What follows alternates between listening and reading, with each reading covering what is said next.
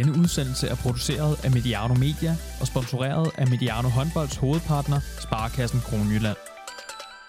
Velkommen til Mediano Håndbold. Håndboldsæsonen er ved at nå sit klimaks. En lang coronasæson er endelig ved at være over. Måske kommer der snart håndboldtilskuere i hallerne igen. Øh, det får vi at se efter den 21. maj. På mange måder begynder det så småt at lysne. Det er også den tid på året, hvor der jubles, spilles tætte kampe og hvor drømme slukkes. Sådan er vores sport. Smuk og ubarmhjertig. Og det og meget andet skal vi tale om i dag. Allan Heine, velkommen til Mediano Håndbold. Tak for det. Og tak fordi vi måtte komme og besøge dig her. Øh, søndag var du og EH Aalborg ude i en uhyre tæt tredje kamp mod Sønderjyske om retten til at møde Horsens i et direkte opgør om en plads i ligaen. Vi kender dig som et menneske med stor energi og humør, når vi har set dig. Så jeg bliver nødt til at starte med at spørge, hvordan er humøret sådan en, en torsdag et par dage efter? Ja, men det, jeg tænker, det er godt, du kommer i dag og ikke øh, i øh, mandags, fordi øh, mandag og faktisk også lidt af tirsdag var jeg sådan halvt nævn, og, og det gik desværre også en lille smule ud over dem, jeg lige var sammen med.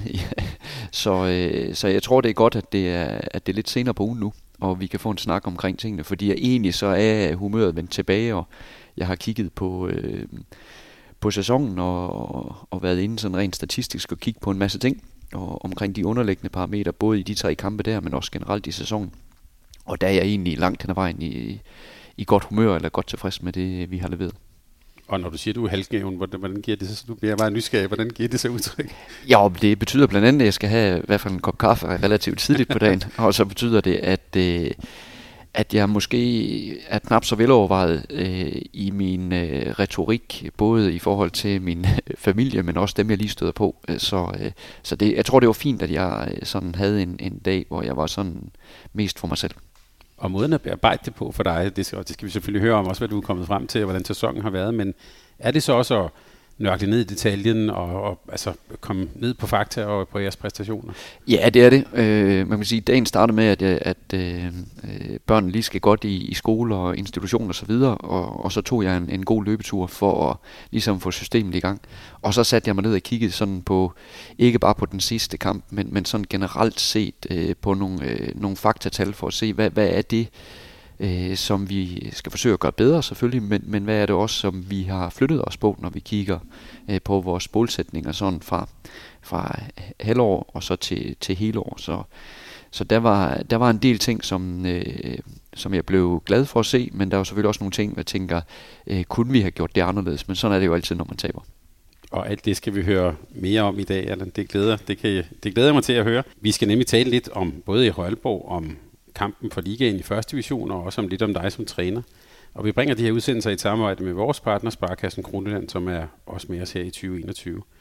Lad os lige starte så med, med det åbne sår, eller det helt åbne sår er det så ikke, men mod kampen imod Sønderjyske.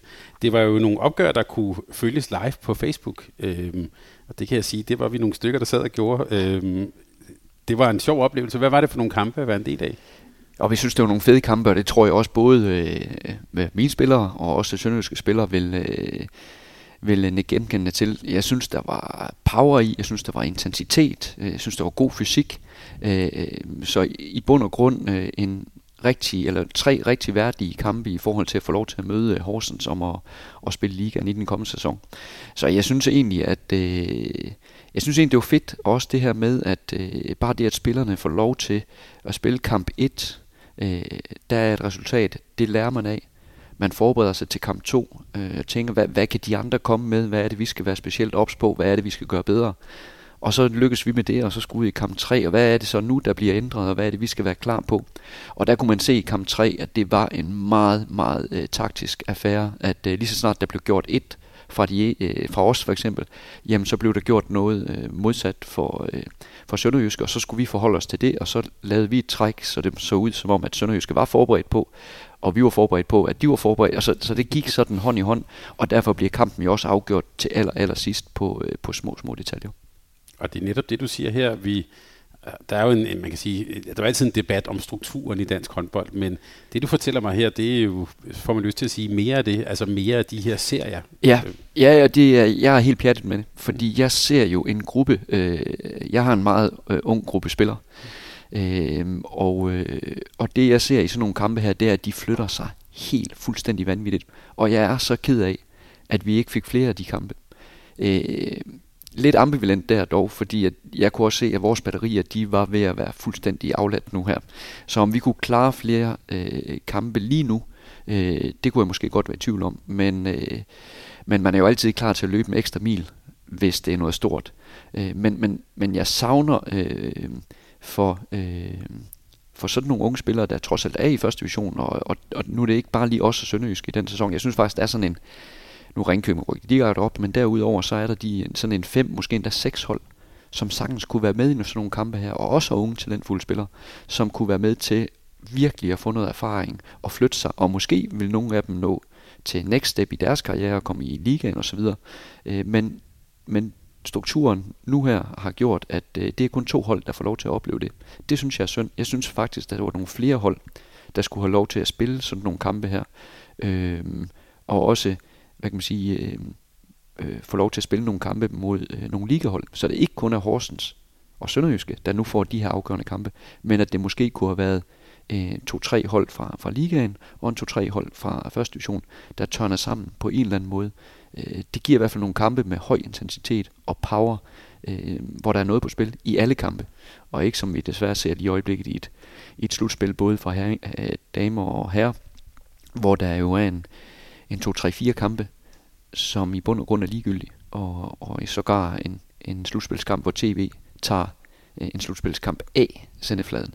Det synes jeg skriger til himlen i forhold til øh, den struktur, vi har. Jeg tror, vi har også på Mediano håndbold talt om, vi vil hellere have set jer i den her. Det var jo, synes jeg, øh, bare sådan som almindelig tilskuer, en, øh, du siger, det var en meget taktisk kamp det var vel egentlig også en meget seværdig kamp, altså en god håndboldkamp? Ja, når jeg har set kampen igen, så, så sidder jeg jo som, som håndboldnørd i hvert fald, og er meget tilfreds. Øh, jeg synes, der er noget fedt spil undervejs. Jeg synes, der er noget godt forsvarsspil fra, fra, fra begge sider. Øh, to forskellige stilarter. Et øh, med, med en meget hård fysisk 6-0, hvor man slår sig på. Og så også, der dækker, i hvert fald i de kampe her, dækket 5-1, som, hvad kan man sige, i bund og grund gik ud på at skulle stresse vores modstandere. Øh, så så øh, jeg synes både taktisk, fysisk og håndboldmæssigt, øh, de ting, der bliver fundet frem i alle tre kampe, det synes jeg var fedt, øh, og en, virkelig en fed, øh, eller nogle fede kampe at være, være en del af. Øh, og i hvert fald noget, der har flyttet os, både individuelt, men også som gruppe. Og når man så sidder og ser sådan en kamp igen, der er jo, man kan jo altid finde en masse små detaljer, man kan sidde og ærge sig over. Hvad var det egentlig, der afgjorde den, den tredje og sidste kamp? Jo, men det er jo nogle helt små øh, parametre. Vi har en periode i øh, midten af anden halvleg med sådan en 5-7 minutter, øh, hvor, øh, hvor vi har muligheden for at, at sætte kniven ind, om man så må sige, øh, på Sønderjyske. Men desværre, så, øh, så de øh, kontrachancer, vi har i den periode, de ender i en teknisk fejl. Og, øh, og det betyder så, at øh, Sønderjyske ikke får et mål imod sig øh, de her to gange. Øh, og i omvendt øh, laver to mål. Så det er faktisk fire mål i det totale regnskab øh, i forskel øh, på sådan en detalje der.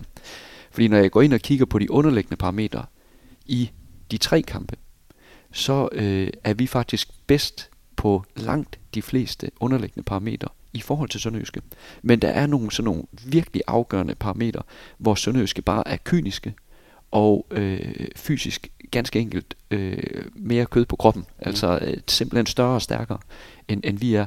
Og det er, det er med til at, ligesom at gøre det sidste, øh, og det vipper så. Øh, men jeg tænker, hvis vi spillede 10 kampe øh, mod hinanden, så ville det nok hedde fem sejre til det ene hold, og fem sejre til det andet hold, og de vil sikkert være ret jævne.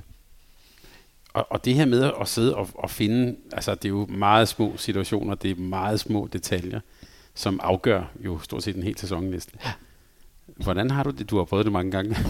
men hvordan, har, hvordan, hvordan håndterer man det som træner, kunne jeg spørge? Jo, men så, heldigvis så har jeg sådan en, øh, en, øh, en statistik for mig selv, at langt de fleste gange, så, øh, så synes jeg egentlig, at de tætte kampe, at så er jeg mest glad efter de kampe.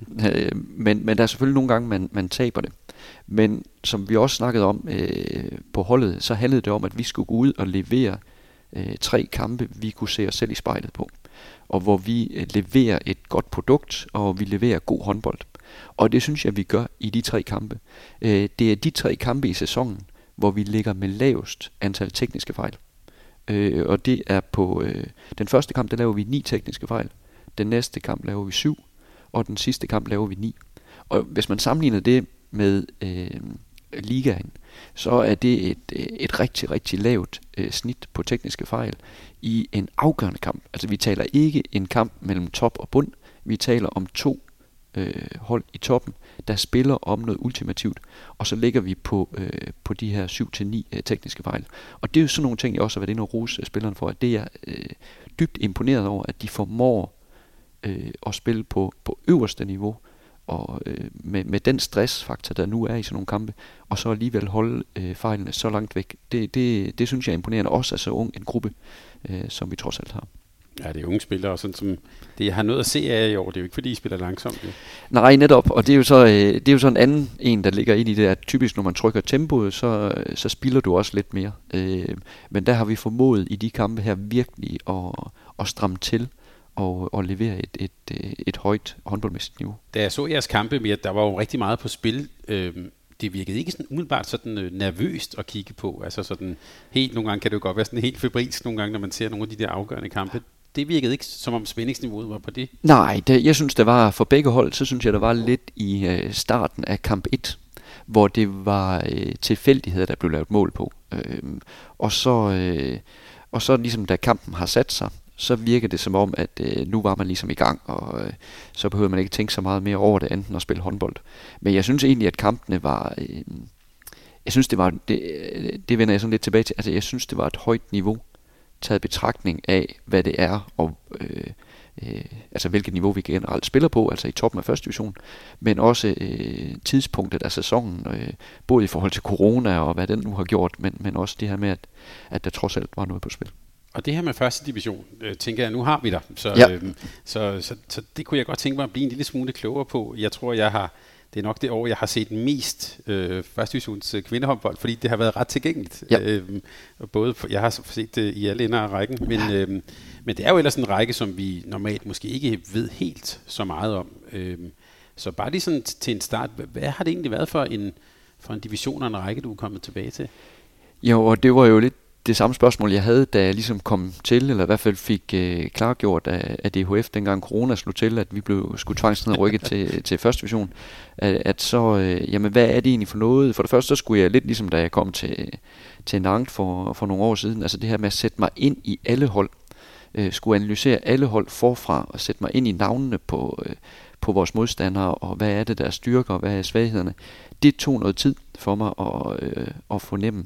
Øh, men jeg synes egentlig, jo, jo længere sæsonen, øh, eller jo ældre sæsonen blev, at jeg fik et øh, sådan et rigtig, rigtig godt billede af første division, og egentlig det niveau, der ligger. Øh, specielt på de første øh, sådan øh, otte hold, øh, at der var øh, på dagen, der kunne de øh, alle sammen slå hinanden, og, øh, og jeg synes egentlig også, at der var rigtig øh, interessante spillere, talentfulde spillere, som måske ikke øh, alle sammen i hvert fald til næste år kunne øh, træde ind og være profiler i en, øh, i en ligaklub. Men der er jo nogen, øh, der er nogle talenter i første division, som med tid, og hvis de bliver i det rette miljø, og tør blive i det rette miljø, øh, med tiden er der helt sikkert, at vi ser en del øh, være på, på liganiveau, og også i de bedre klubber. Det er jo oplagt at spørge, at der er jo den her gevaldige og, stændige diskussion om struktur og antal af hold i ligaen øh, og så videre. Og du nævner det også, hvis man lige kigger på, øh, på stillingen i første division. Otte hold relativt, og så er der fire hold, som, som måske er, er, er lidt væk. Er, hvordan kunne, altså vil det, det ville op at spørge, hvis vi nu havde 12 ligahold, og så der kom to gode hold ned til første division, så ville den blive forbedret, eller hvordan ser du det? Ja, det tror jeg bestemt, den vil. Øh, men, og den, øh, den diskussion har der jo været en del, det her med, om, om man skal holde de 14 hold, og skulle man rykke noget ned. Øh, dengang, at den øh, diskussion var på sit højeste, jamen der var jeg også inde og sige, at det her med, at jamen rykker man to hold ned, eller gør man ligaen mindre, for at gøre første divisionen stærkere, så skal man også kom- kommercialisere første division i en højere grad, end man gør lige nu. Øh, i ligaen, der er der bare så simpel en ting som øh, rundens hold. Øh, så er en af mine andre kæpheste, det er, at nu er jeg jo selv træner og har været det en del år. Jeg forstår ikke, hvorfor der ikke er månedens træner i ligaen. Øh, det er et super produkt, man kan give ud til klubberne. De kan hype deres øh, træner osv. Jeg forstår simpelthen ikke, at man ikke gør det. Det er kun én gang om året, at en træner skal udmærkes, og det er en, der har gjort det fremragende igennem en hel sæson. Men kunne vi ikke have haft øh, 10 gode øh, nomineringer af, af dygtige kollegaer? Det, det, det var lige en, et, et lille sidespor. Det er god. ja, øh, men, men hvorfor er der ikke noget fokus på første division? Altså det kræver ikke ret meget at lave et, øh, et, en tilsvarende nominering af rundens hold i første division. Jeg ved godt, man har logger i, og det er det, man bruger det i, øh, i ligaen, men det behøver ikke være på samme måde. Der kunne godt være en lille komité, der er indsendt, og så gjorde man det. Øh, det har jeg jo også foreslået af divisionsforeningen, men den er ikke sådan blevet samlet helt op. Øh, og man kunne også gøre det øh, omkring, øh, øh, hvad hedder det, trænere, og nu, nu siger jeg trænere, der tænker jeg egentlig på træner-teams, fordi jeg synes også tit en gang imellem, at selvfølgelig, øh, når det går skidt, så skal vi, øh, cheftræner, så skal vi nok få en over snuden. Men når det, og, og så når det går godt, så er det typisk også cheftræner med, at, med at jeg synes, øh, i, i hvert fald for mit vedkommende, at øh, der hvor jeg har været, både nu her i EH Aalborg og i Nantes og også i min tid i Viborg, at øh, jamen, øh, det team, jeg havde sammen med Bo Rydgaard i, i Viborg, der havde vi et rigtig godt team og supplerede hinanden rigtig godt. I Nantes, der øh, Guillaume øh, Sorina, som, som er chef dernede nu, vi havde et rigtig godt team. Og nu med Kent Hedegaard her i, øh, i EH Aalborg, også et rigtig godt team, hvor øh, vi gør hinanden bedre. Øh, så derfor synes jeg, at når, når, når, ligesom når det falder på øh, trænere, så, så synes jeg, at det skal være et træner-team i forhold til det. Øh, men generelt, første division, øh, som vi kom fra, nu tog det lige en lille, en lille sidevej. Det men, må det gerne. men, men når der, hvis der er nogen, der skal ned, så skal det ikke være, fordi de eksk- øh, ekskluderes fra ligaen. Ja, nej, vi skal kun være 12 hold, fordi så skal vi ikke spille øh, for mange kampe i ligaen, eller hvad jeg har hørt af, af sjove undskyldninger. Øh, at øh, hvis man skal gøre det, så skal det fordi, at første division skal blive et stærkere produkt. Vi skal have nogle, øh, vi skal have lov til at vise nogle kampe i tv, og nu, og nu siger jeg tv, det kunne være Facebook eller YouTube, eller hvad, hvad det nu er, som ikke har en, øh, som ikke ejes af øh, TV2. Altså det skal gøres til et produkt, det skal sælges bedre øh, så, så kunne jeg faktisk godt købe den, at det kunne være sådan. Men, men vi skal ikke lave ligaen til, øh, til 12 hold, fordi at Viborg og Esbjerg og Herning Ikast og Odense, eller hvem det var, øh, synes, at øh, de spiller to til fire kampe for meget. Fordi så skal vi lave det slutspil om, vi har lige i øjeblikket, hvor de spiller to fuldstændig ligegyldige kampe. Eller også så skulle man til at kigge på, at når man møder Øh, nu er det så Vendsyssel og Skanderborg, der har ligget i den tunge ende af, af ligaen her i år, som man måske har været lidt efter. Jamen så må man lade være med at spille sine A-landsholdsspillere 50 minutter i de kampe. Så må man spille nogle andre spillere, og så må man nøjes med at vinde med 5-7 stykker i stedet for. Så jeg synes, det der med, at man spiller for mange kampe, er en, en fuldstændig skæv øh, diskussion i forhold til øh, det totale produkt. Så er det nogle andre argumenter, man må komme med øh, i forhold til det. Så øh, så, så, så det bliver lidt komplekst, når du siger det der med, at jamen, hvis vi sætter to hold ned og sådan noget. Altså, jeg synes, det er et større billede, man er nødt til at kigge i. Og man skal ikke bare ekskludere nogen, for at man kan få en, en smallere række øh, øh blandt toppen. Så skal man øh, se det som et større produkt og gøre mange ting bedre, i stedet for kun de bedste. For en af argumenterne for at have 14, det er jo også det her, øh, i, i, i ligaen er jo sådan et talentudviklingsargument. Foregår den talentudvikling i virkeligheden så i første division? Ja, jeg synes da i hvert fald, der er en, en god talentudvikling, men jeg synes også, at de, hvad kan man sige, hvis vi rangerer talenterne lidt som en, en ABC-talenter, så kan man sige, at øh, C-talenterne løber måske lige i øjeblikket øh, sådan i, øh, i, man kan sige, i toppen af første division. B-talenterne ligger måske i bunden af ligaen, og A-talenterne er allerede etableret i øh, enten i toppen af ligaen eller i midten af ligaen.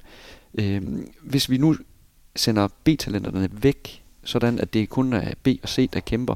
Hvornår skal de her B-talenter så egentlig tage springet?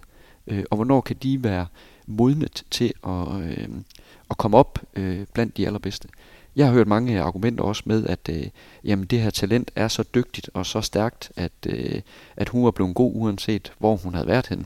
Og den, den, jeg kan godt forstå argumentet, men det, det er jo en synsning, fordi det, det er jo, øh, vi kan jo ikke være sikre på det. Mm. Og jeg ser jo øh, mange dygtige spillere, som har for eksempel været i Skanderborg, eller har været i ligaen i en to-tre år på andre klubber. Og så er de rykket op øh, til et andet hold og slået igennem med det samme. Hvis de nu har spillet i første division, så er jeg ikke sikker på, at de har slået igennem med det samme. Øh, jeg kan i hvert fald godt have min tvivl. Så jeg synes, at det her med at have 14 hold giver rigtig, rigtig god mening. Så kunne jeg bare godt savne, at når vi træder ind i den afgørende del af fasen, så er det ikke kun ét hold, der skal spille om overlevelse så synes jeg, at der er flere hold, der skal spille om overlevelse med øh, nogle første divisionshold, sådan at man får en, øh, øh, hvad kan man sige, flere af de her kampe, hvor der er noget på spil. Øh, og hvordan præcis det skal struktureres, øh, det, det har jeg masser af forskellige bud på, og jeg vil gerne være med i en gruppe, der skulle diskutere det, hvis det var det. Men, men, øh, men jeg synes, man skal gøre noget for at udvikle spillerne, ikke kun når det er dagligdagen, men også når der er stressfaktor. Er det også en rigtig ung, ung række øh, første division? Altså, der var nogen, der har sagt, at det jo næsten nogle gange har været sådan lidt en øh, U19-række, altså, og, og der har jo været, vi kan også sige, der har jo været nogle U19-piger, der ellers ikke måtte spille, som vi så har kunne i hvert fald spille, øh, spille noget seniorhåndbold der. Øh, ja, det er det. Der, der, det er en ung række, og øh, de største talenter er selvfølgelig også de yngste, kan man sige. Og, øh, og, øh, men selvfølgelig er der også nogle erfarne spillere med, øh, som er med til at, at binde tingene sammen øh, i, i nogle af klubberne. Og, men, øh, men det er jo nogle, øh, nogle unge spillere, og det er jo også fordi, at en U19-række, øh, jamen der kan der måske være en to-tre kampe i løbet af øh, en halv sæson, inden at øh, der er en ombrydning osv., som måske giver rigtig god mening for det talent. Øh, for vores eget vedkommende, der har vi haft sådan en, en, en tre stykker, som har været U19 og på første division, øh, som har spillet øh, nogle kampe på U19, men andre kampe på første division, fordi det gav mening for den enkelte.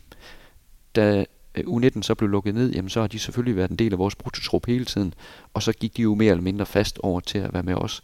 Og det er jo så, hvad kan man sige, øh, hvad er den, de, den gode side af medaljen for dem, sådan rent udviklingsmæssigt, at de egentlig lige pludselig har skulle være klar til et lidt større niveau, end de måske var fra starten af. Og så lad os bare lige vende Ringkøbing, som jo rykkede direkte op. Var de bare et, et, et en lille trin bedre end de andre? Ja, det, jeg synes lidt mere end et lille trin. Mm. Altså, de havde øh, sådan lige en, en periode på en, en, en 3-4 uger vel i sådan i den spæde start af sæsonen, hvor de øh, bokser lidt med tingene, men, men fysisk øh, og øh, spillemæssigt og på målvogterpositionen, jamen der har de vist sig bare at være øh, Øh, kyniske og bedre end deres øh, hvad kan man sige, direkte konkurrenter til denne her oprykning. Så der er slet ikke noget at sætte på, øh, på deres oprykning. Det øh, er fuldt fortjent, og, øh, og jeg glæder mig til at se, hvordan og de får taklet øh, kan man sige, deres, øh, deres ligasæson i den kommende her og kynisk, det er jo det er et begreb, vi, som du ikke er den første, der har nævnt på Mediano håndbold. Så jeg får lyst til at spørge, hvad, hvad, hvad ligger du i det ord? Det er jo, jeg plejer at sige, det er jo normalt ikke noget, vi, vi, vi taler om som noget positivt, hvis jeg siger, at Allan han er kynisk. Det, men, men, men her, hvad, hvad, hvad ligger du i det? Jamen jeg ligger det, at, at når der er en mulighed for at slå til, at så griber du den. Øh, både defensivt og offensivt, egentlig generelt i alle situationer, der er i håndboldspillet. Øh, det her med, at nu er der en åben chance, og den laver du mål på.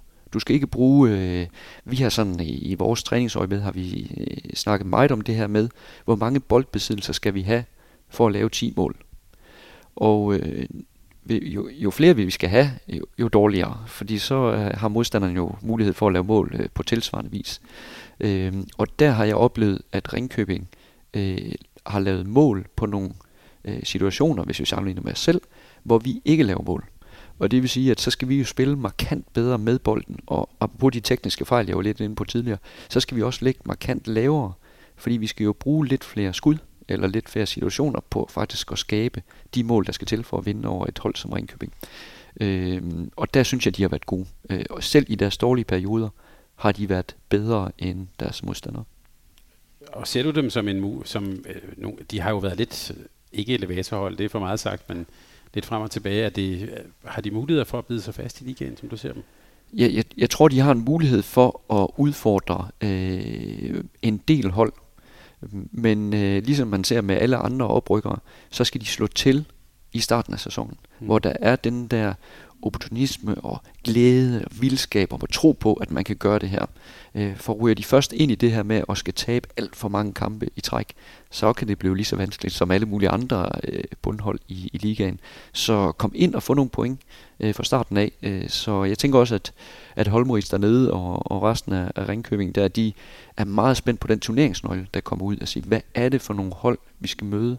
Og er der nogen kampe, vi bare skal sige, glem det på det, og så være klar her og her, øh, så de får de her måske 4-6 point inden for de første 8 kampe, det kunne være, eller det vil blive afgørende for dem. Det er der slet ingen tvivl om. Der, lad os lige spole sådan cirka et års tid tilbage. Du, øh, du kommer hjem til dansk håndbold. Ja. Øh, der er corona, og det du kommer hjem til er jo også den her sådan øh, skrivebordsafgørelse, der sender øh, i Aalborg ned i første division.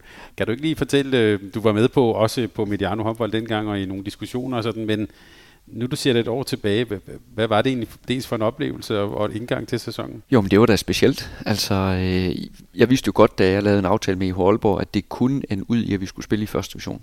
Øh, og, øh, og jeg tænkte også, jamen er det det, der sker, jamen så skal vi nok øh, sådan stille og roligt forberede os på og, og vende tilbage.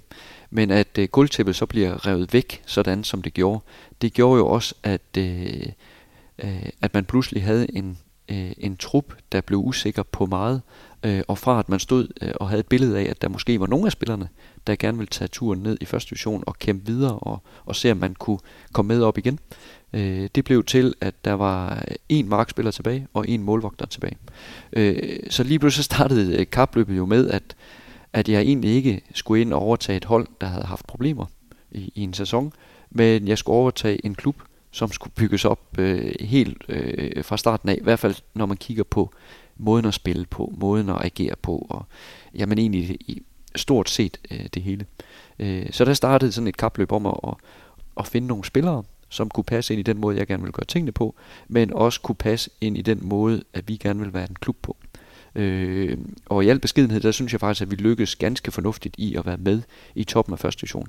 At vi så ikke nåede vores øh, primære mål om at komme tilbage igen, øh, det, øh, selvom nu jeg har sagt, at, at Ringkøbing har, har været klart bedst, jamen så, øh, så skulle der ikke meget til, for at vi udfordrede dem øh, på den position.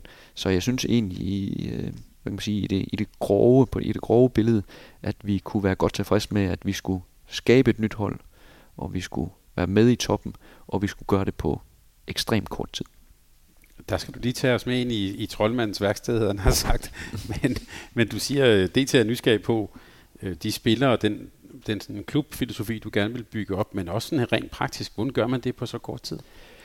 Ja, ja, det er egentlig et super godt spørgsmål, fordi at jeg, øh, det, det første jeg gjorde, det var jo egentlig først at kigge på, jamen, øh, Øh, hvad har vi af egne spillere? Altså, hvad, hvilke unge spillere er der i klubben, som vi måske ikke i den sæson, vi lige har været, men måske i sæsonen efter, kan være nogen, der kunne være interessante for os.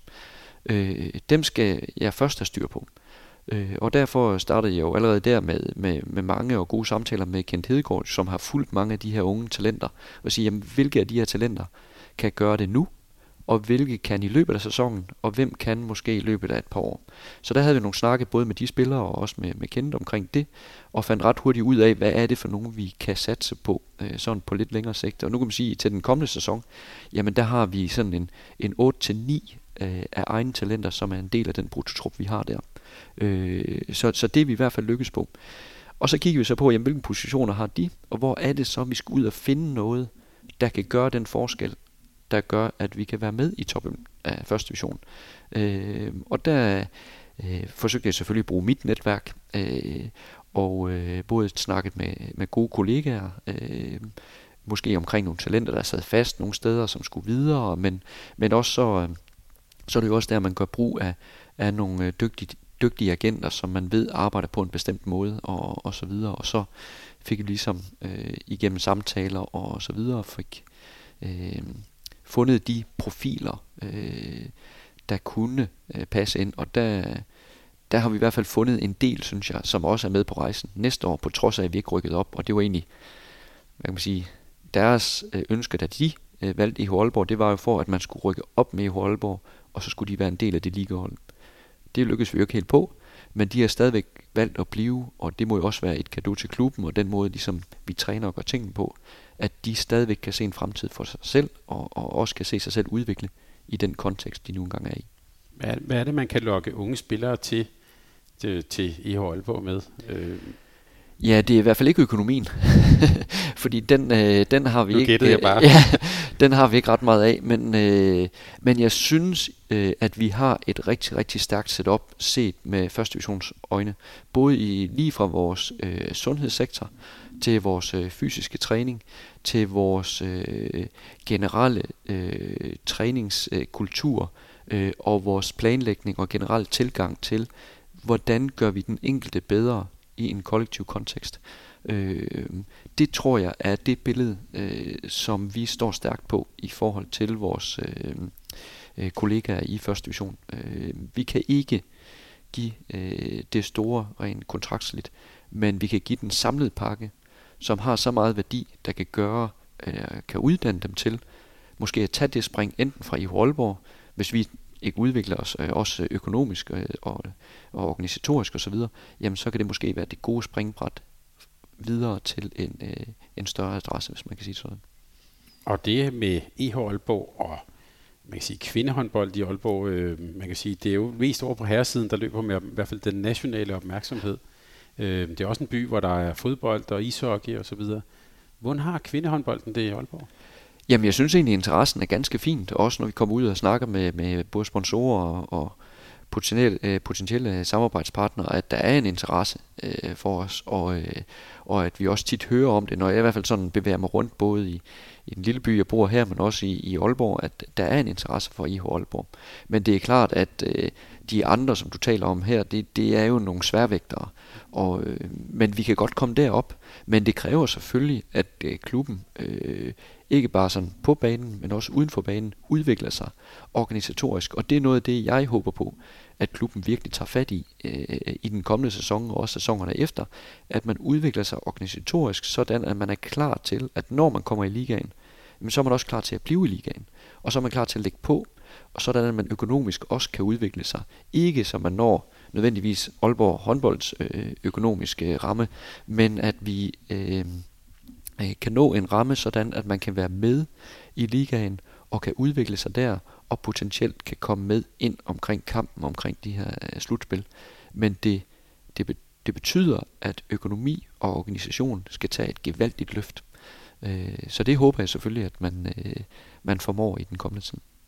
Og er det en, er det en anden opgave, som du har fået, end, end den, du blev rekrutteret til? Altså jeg tænker på, der er jo, øh, nu skal du både udvikle spillere og hold, øh, men det var måske også det, du gik ind til Ja, øh, altså det var det jo. Hvis man kigger sådan lidt på øh, det, jeg blev øh, scoutet til i de forskellige steder, jeg har været. Øh, da jeg var i Aalborg DH dengang, der, der var jeg jo en del af øh, udviklingen og den øh, ungdomsafdeling osv., og, så videre, og så bevægede jeg mig op sammen med spillerne nærmest der.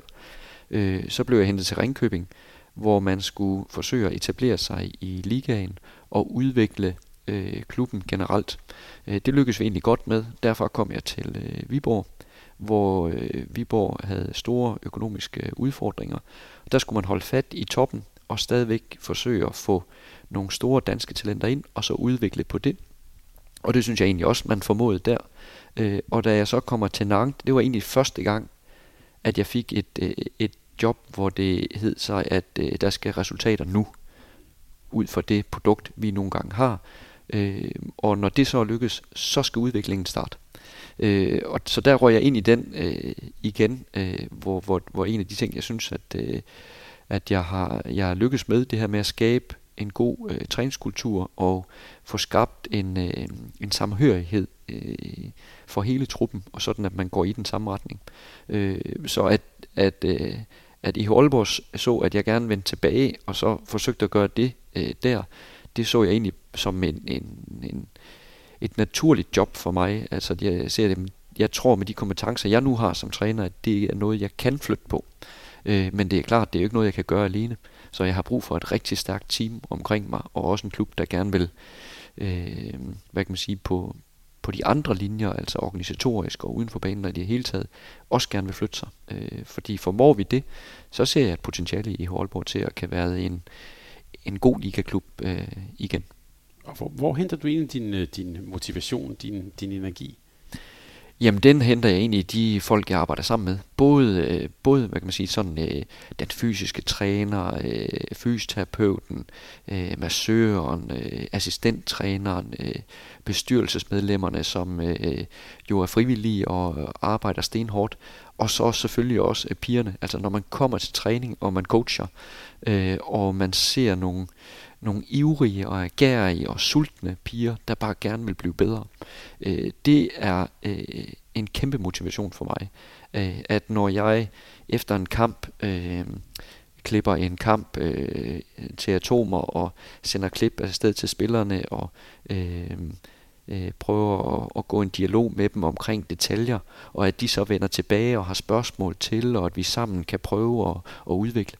Sådan noget der, det er noget, der virkelig øh, får en til at virkelig komme, øh, få lyst til at virkelig at komme på, øh, på arbejde, øh, som jeg så ikke kalder det arbejde, men, men som virkelig øh, driver mig til at øh, have lyst til at kunne gøre en forskel for, øh, for de mennesker der. Er det her ikke et arbejde for dig? Nej, jeg har ikke haft et job siden, øh, ja, siden jeg var skolelærer for, en, for en, en del år siden, og der havde jeg faktisk så godt et job også, at øh, der var kombineret med, med noget håndboldtræning også, så, så det egentlig i, i langt den største del af mit voksenliv, der synes jeg ikke, at jeg har haft et, et, et arbejde. Jeg nyder bare øh, det, jeg laver, og, øh, og kan bare mærke, at det giver mig en masse glæde. Selvom jeg er med på, at når man taber en kvalkamp, at så kan jeg godt være lidt næven og sådan noget, men det fylder så lidt den der nævenhed øh, efter at have tabt en kamp i forhold til, hvor meget glæde der er i, i hverdagen og, og de sejre, der trods alt er. Men så er det jo oplagt at spørge, nu har du, du siger, at du i dit voksenliv ikke har haft et arbejde.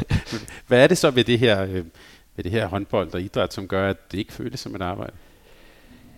Ja, det, det er et godt spørgsmål, men jeg, jeg, jeg tror noget af det, jeg nyder mest, det er nok den øh, frihed, øh, jeg har. Øh, nu er jeg far til tre og er godt gift og så videre, at øh, jamen, jeg kan tilrettelægge min hverdag, øh, og jeg kan arbejde, når jeg synes, øh, øh, at jeg skal arbejde. Og, øh, og, øh, men, men i det hele taget det her med, at når det er, at jeg skal finde nogle ting, gøre nogle ting bedre, jamen jeg er bare sulten på det, og vil gerne hele tiden udvikle mig selv og udvikle folk omkring mig. Så at, øh, jamen at det er det, jeg kan få lov til at lave, og få lov til at øh, fylde min hverdag med, og øh, få min familie til at hænge sammen med, og sådan noget, det, det, øh, det ser jeg bare som et øh, kæmpe privilegie, og vil øh, holde fast i, så længe som overhovedet muligt. Øh, så, øh, så jeg nyder virkelig, at øh, at jeg stadigvæk kan være øh, håndboldtræner på, på det niveau og, og også kan leve af det. For hvad er det, en halv, halvanden måned tid siden havde vi en samtale med Christian Christensen i Rive Esbjerg, som øh, jeg vil næsten sige lidt uopfordret kom ind på øh, det her med det pres, man også kan være under som, øh, som ligatræner. Han, han kaldte det lidt et, et tabu, altså det er noget, vi man ikke rigtig taler om. Der er heller ikke så mange at tale om det med måske. Hvordan oplever du det? Altså, øh... Ja, men altså, altså det største pres, jeg, jeg sådan har følt, jeg har været under, det var da jeg var i Viborg. Øh, og det var jo også en stor klub, og måske den største klub i Danmark, i hvert fald sådan rent øh, brandingmæssigt. Der begyndte jeg at fornemme det, da de afgørende kampe kom. Øh, og øh, jeg, jeg fornemmede også, at der var øh, noget større interesse for, hvad jeg gjorde hvad jeg ikke gjorde, eller hvad for en udskiftning jeg lavede, eller hvad for en udskiftning jeg ikke lavede. Øh, så det pres, det ligger helt naturligt med. Øh, I Nantes, der forstod jeg ikke rigtig, hvad der foregik omkring mig, sådan i hvert fald, i hvert fald ikke i medierne og sådan noget. Så, så det, der, der har sikkert også været pres på, men det, er ikke, det, her, det fornemmede jeg ikke på samme måde. Jeg lavede bare mit arbejde, og synes, jeg gjorde øh, det bedste, jeg kunne. Og det samme i, øh, i EH Aalborg her, at øh, der er jo heller ikke så stor mediebevågenhed omkring det. Øhm, øh, så, så det kan godt være, der er pres på, men det fornemmer jeg ikke. Men det er helt sikkert at være øh, cheftræner i en klub med ambitioner. Der er altid et pres. Men jeg tror, presset øh, er lige så meget fra mig selv, og det jeg gerne vil opnå, eller det jeg tror på, jeg kan opnå øh, med den gruppe, vi nu har. Så jeg tror, at det pres, øh, øh, det er mere det, jeg tænker over, når vi går ind til en kamp, end hvad øh, herre fru Danmark eller en eller anden ekspert synes omkring det. For der når vi igen tilbage noget, som vi snakkede om lige inden vi, vi tog, trykkede optag her. Det her med, at øh, jamen, der kan godt være en mening og en holdning til, hvad en træner gør i en given situation, eller i en pressituation.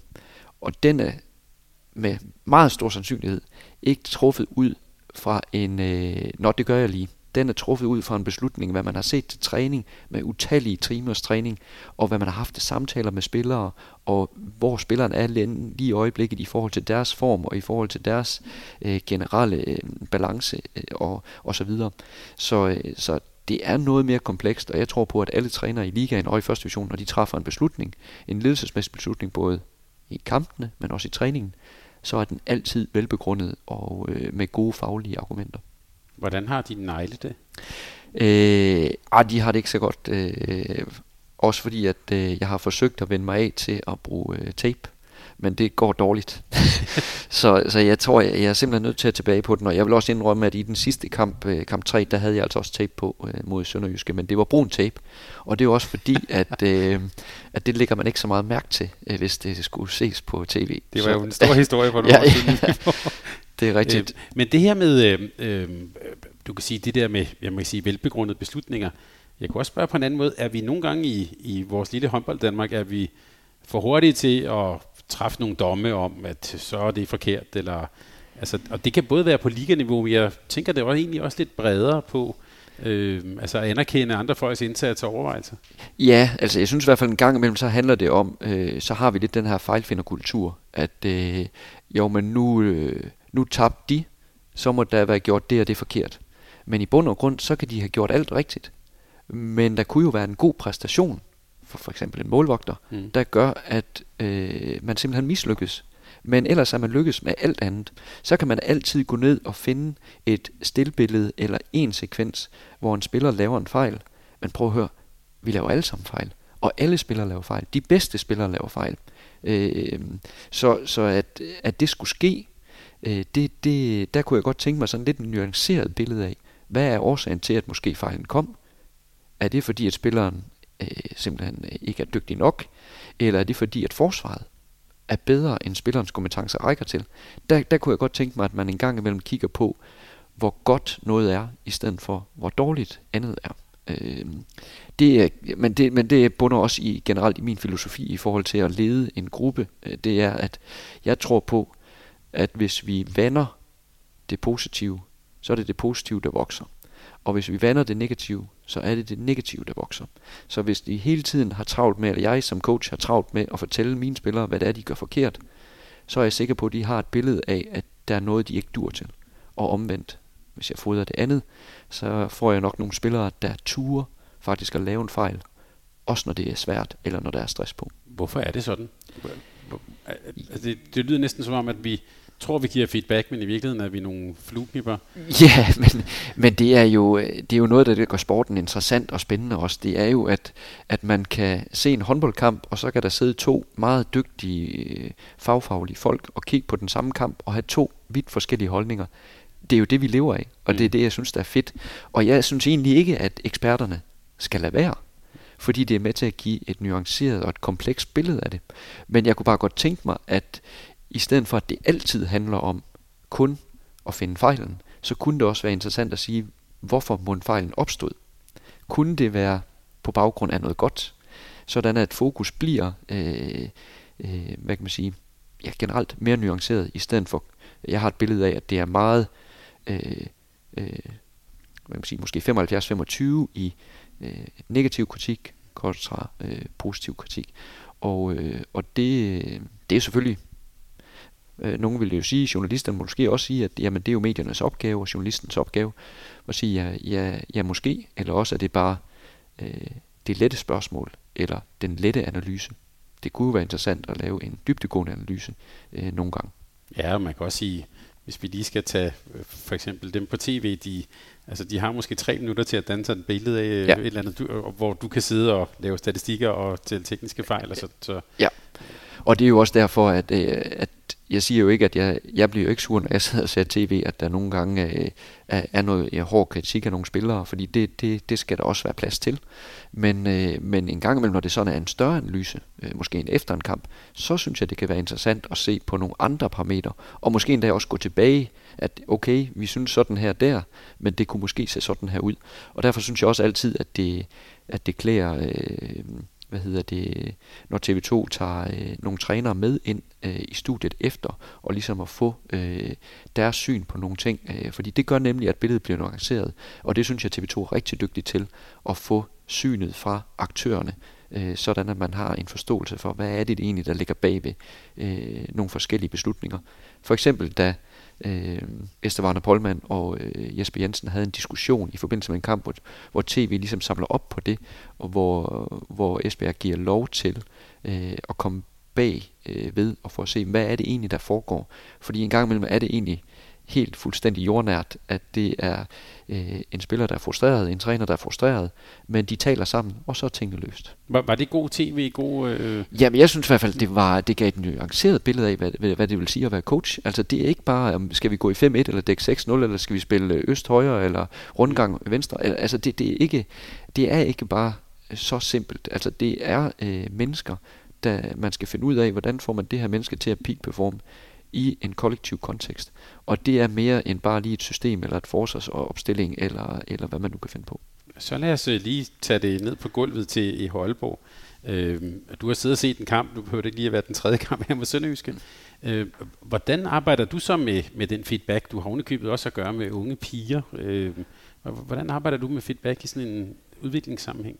Jo, men vi har, øh, det er ikke kun øh, i, hvad hedder det, øh, i Aalborg, jeg har gjort det, men, men jeg har sådan øh, et, et generelt, øh, hvad kan man sige, et, vi kan godt kalde det et arbejdspapir efter en kamp, hvor, øh, hvor jeg selvfølgelig ser kampen først i bare i helt almindelig øh, tempo, hvor øh, vi bare kører kampen i gang, eller ikke kører den igennem, og, og skriver lidt notater ned på det.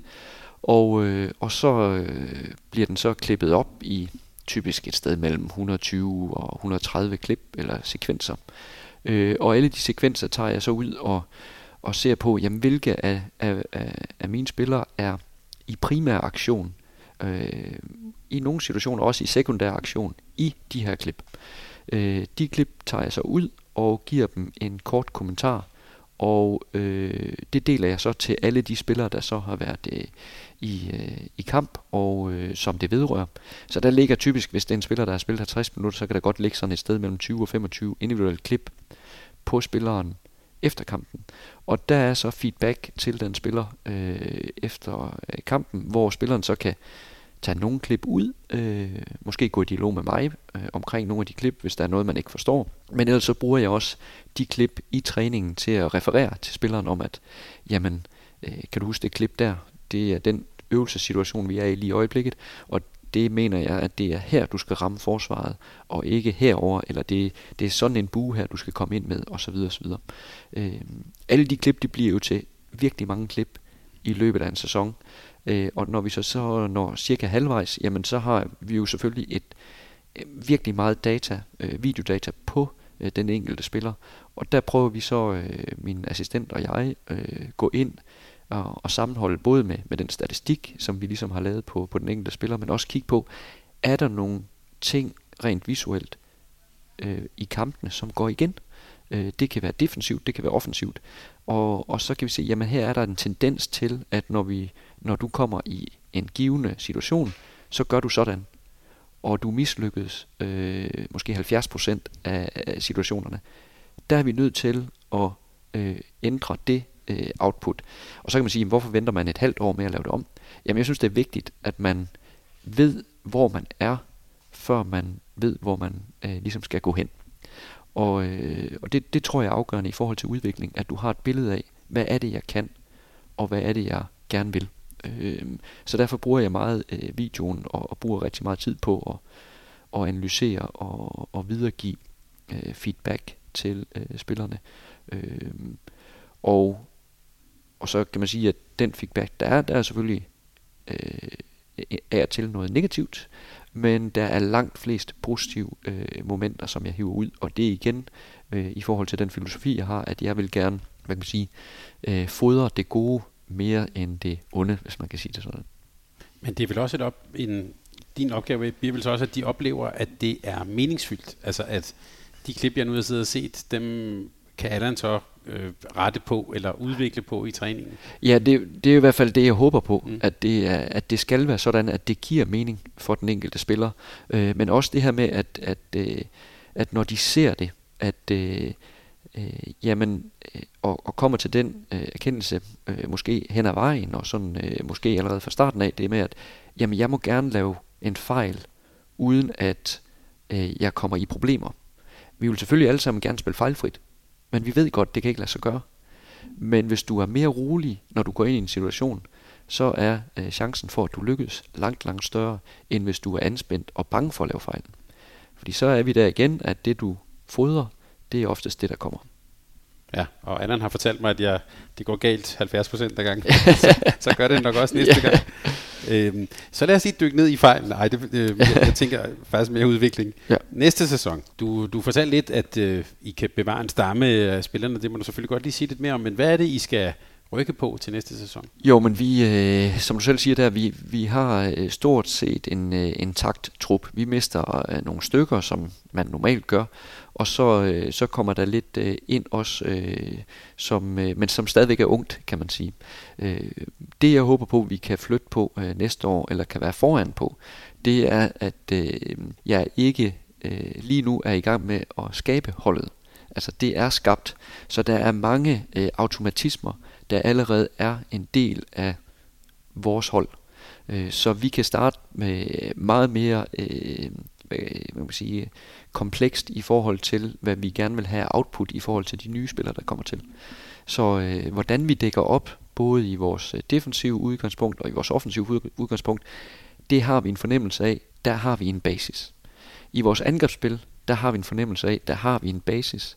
Og kommer der en ny spiller ind, så er hun en blandt øh, seks andre, der ved, hvad det er, hun skal gøre.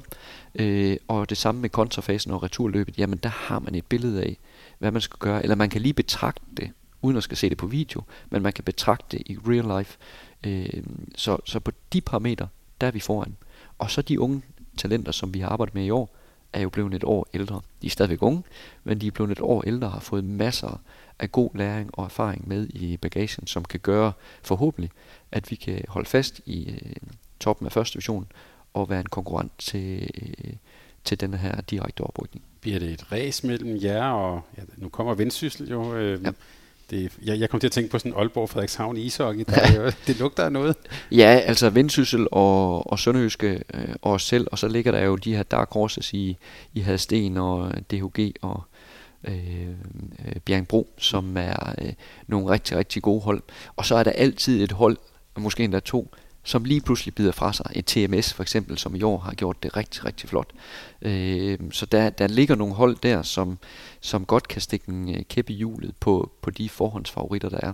Men, øh, men det bliver spændende at se. Øh, vi gør det på den måde, vi gør det på, og vi ved også godt, at vi kommer til at tabe nogle kampe, men vi kommer forhåbentlig til at vinde flere, end vi taber. Hvis du bare sådan skal sætte på på, hvad mangler dit hold for at kunne være det hold, der rykker op i ligaen? Jamen, det er små ting. Øh, det er det, og der er noget af det her, som vi øh, måske indledt med at sige, altså den her kynisme, at, at udnytte chancen, når den er der. Fordi når man kigger på, hvordan vi sådan rent, øh, hvordan vi spiller øh, håndbold, og hvordan øh, spillernes tekniske niveau er der, jamen så er vi faktisk øh, ret, ret dygtige øh, på spillet. Men i forhold til at øh, øh, øh hvad kan man sige, sætte punktum for en aktion, og komme godt ud af en aktion, og øh, få det kvalitative skud, øh, jamen der mangler vi noget endnu. Så det er på, øh, det, er på det her med at slå til, øh, når muligheden er der. Øh, formår vi det i den kommende sæson, så har jeg et billede af, at vi, bliver, at vi godt kan blive rigtig svære at danse med. Nu talte du om det her med månedens træner, årets træner, så vil jeg frække spørge dig, hvem er egentlig årets kvindelige træner i dansk håndbold? Jamen, jeg synes, der er flere, der har gjort det rigtig godt. Øh, øh, og det er jo svært at komme udenom, øh, hvad kan man sige, øh, den spor i, øh, i Ajax. Jeg synes, øh, jeg kan allerede huske, inden sæsonen startede, der, der var der i hvert fald sådan en snak i, i korridoren om det her med, at Ajax havde en flot sæson, men i år, der skal de nok regne med at være en del af, af det tunge selskab. Og så går de bare ind igen og, og leverer rigtig, rigtig imponerende. Øh, så der venter en stor opgave for, for Rasmus Rygaard, der, der kommer og skal overtage det. Det er jo nærmest sådan et trænerjob, man egentlig helst i bund og grund ikke har lyst til at overtage, fordi at det kan næsten kun gå en vej. Øh, og så synes jeg jo, at øh, Kasper Christensen i øh, Herning Ikast har, øh, fik en fremragende start, så var der lidt mudder i maskineriet, og så, øh, så synes jeg jo, at de, øh, alene det de er i, med i, i alle tre turneringer, som de er deltaget i, og øh, ser, ud, altså ser virkelig stærk ud lige i øjeblikket. Det kan jo ende pladask med en maveplasker og, og ikke vinde noget som helst. Men det kan også være omvendt. Jeg synes, at det er imponerende, at han, øh, øh den måde, han er trådt ind øh, fra skiftet fra, fra herreverdenen og ind til dameverdenen, øh, og øh, virkelig har fået det øh, Herning Ikast øh, hvad kan man sige, det fulde potentiale ud af, af det hold der. Øh, så det, det er de to, jeg ligesom synes er, har været øh, de stærkeste. Og så, så er der selvfølgelig mange af de andre trænere i toppen, som har, har været dygtige. Og, øh, men, men jeg synes, de to der sådan, øh, stikker lidt af. Og hvem har gjort det godt i, i, i første division? Udover Allan Heine Ja, ja. ja. øh, jamen der synes jeg også, der er mange. Altså jeg synes både... Øh, både hvad hedder Mathias i, i Hadsten og øh, øh, trænerteamet over i, øh, i TMS, også øh, Peter i Sønderjysk, øh, synes jeg har været øh, dygtig, og selvfølgelig Holmris, der har fået styr på det. Jeg synes egentlig generelt, alle de hold, der ligger de der top 8, der har jeg set holdene har udviklet sig i en positiv retning, og har været, øh, har været bedre anden gang end første gang, vi mødte dem. Øh, så så, øh, så der, der, der synes jeg egentlig, at, øh, at det, er, det har været fedt også øh, at følge, at det ikke er første division ikke bare var et hold, der bare spillede, men at man rent faktisk har gjort noget. Og det er i øvrigt ikke kun top 8, det er egentlig øh, mit billede sådan for, for alle holdene, at, at der, der er blevet gjort nogle tanker, og man har forsøgt at udvikle sit hold øh, igennem alle kampe. Allan Heine, tak fordi vi måtte komme og besøge dig. Velbekomme. Jeg vil sige, øh, jeg har ikke fået mindre blod på tanden øh, omkring første division, så øh, pas på, at vi ikke kommer og besøger dig igen. ja, I er velkommen. det er godt. Tak fordi du vil være med. Velbekomme. Tak fordi du lyttede til en podcast af Mediano Håndbold. Hvis du kunne lide udsendelsen, så husk at abonnere på Mediano Håndbold, der hvor du hører podcasts. Så får du den seneste udsendelse serveret direkte til dig. Du må gerne fortælle dine venner om os, og husk at følge os på Facebook, Twitter og Instagram. Mediano Håndbold kan lade sig gøre, takket være Sparkassen Kronjylland. Vi har gået hånd i hånd siden foråret 2018.